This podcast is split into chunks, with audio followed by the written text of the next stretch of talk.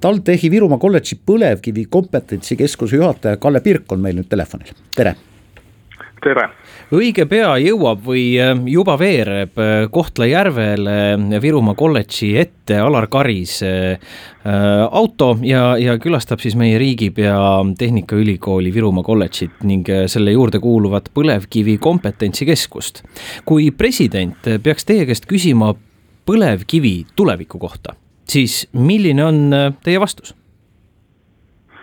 no vastus on see, et, et kindlasti lähematel aastatel on, on põlevkivi energiaallikas ja, ja õlitööstuse toore.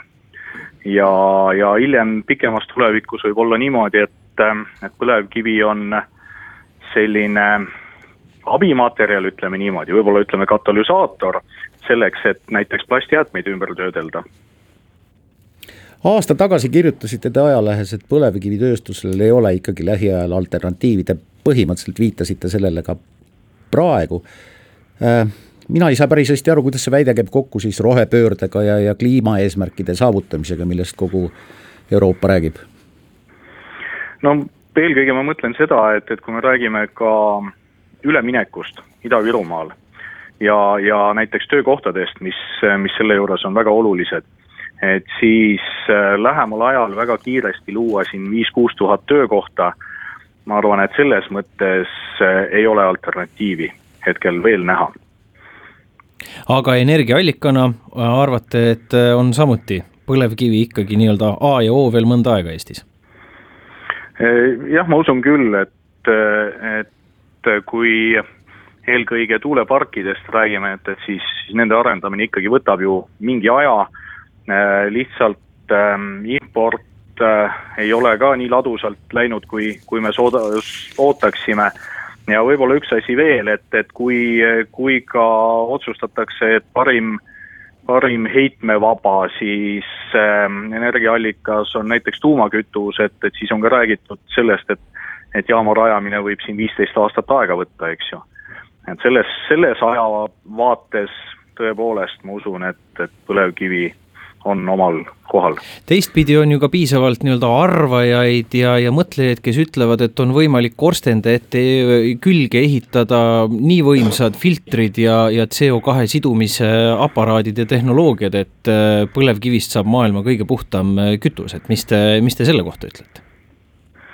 no ma tean kolleegide töödest seda, et, et CO2 püüdmist ja sidumist ka sellisel piloottasemel kui ma õigesti mäletan, Texases, Kanadas äh, on ka rakendatud ja, ja, ja siin Tehnikaülikooli Energiatehnoloogia Instituudi teadlased räägivad ka, ka hapnikust põletamisest ja, ja muudest protsessidest, mis, mis oluliselt nagu kergendab CO2 püüdmist.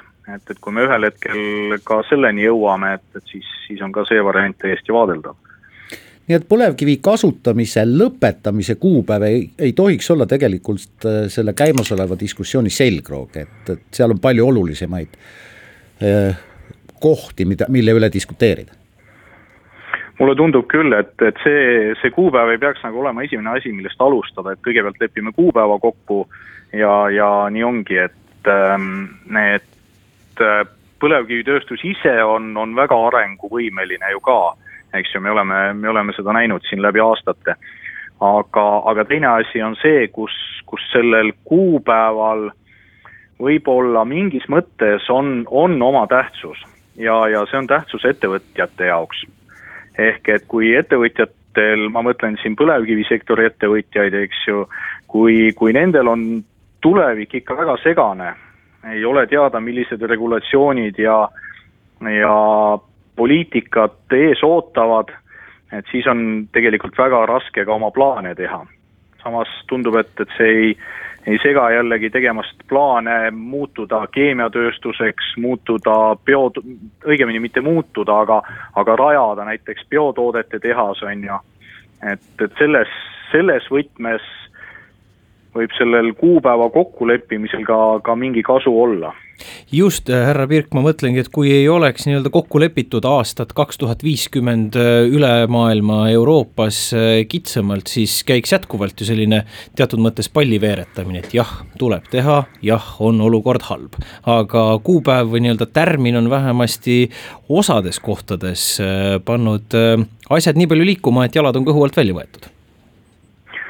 Sellega olen täitsa nõus jah, et et, et kui rääkida tõesti võtmes, et võiks teha või peaks tegema, et, et siis, siis tõenäoliselt ei, ei juhtuks võib-olla eriti palju. koha pealt vaadates, kas põlevkivitööstuse ettevõtetel on täna piisavalt äh, motivatsiooni, et arendada seda innovatsioon, innovaatilist lähenemist ja, ja, ja mõelda uutele arengutele?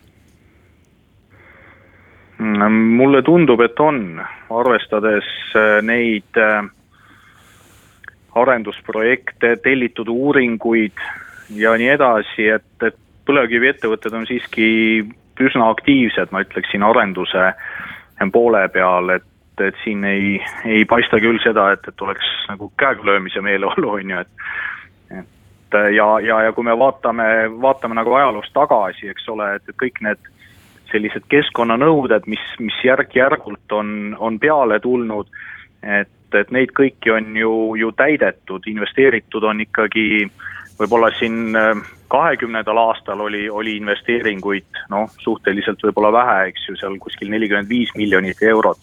aga, aga varasematest aastatest ikkagi, ikkagi investeeringud ka seal saja miljoni piirides ettevõtetesse, mis tähendab seda, et, et selline töö on käinud pidevalt kui äh, ajakirjanduses, meie siin raadioeetris, avalikkuses räägitakse rohepöördest äh, väga palju, siis milline pilt äh, teil on, et kas inimesed tänaval, poes, bussipeatustes räägivad omavahel sellest, et jaa, vot varsti tuleb päev, kui need korstnad enam ei suitse? Kohtla-Järvel? jah. Mm. jah, et, et võib-olla pigem, pigem on, on see, mis võtmes räägitakse, on, on see mure töökohtade pärast mm. -hmm kui korstnad ei suitse, et, et siis äkki ei ole tööd enam.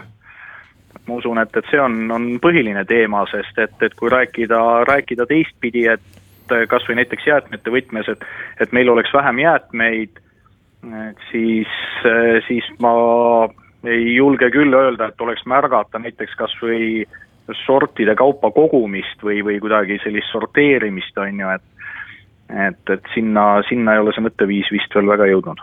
eile Statistikaamet tea, küll teatas, et, et Eesti suure jäätmekoguse põhjus on seotud just eelkõige põlevkivitööstusega, nii et tegelikult arenguruumi vähemalt Statistikaameti analüütiku äh, väitel äh, on küll ähm,.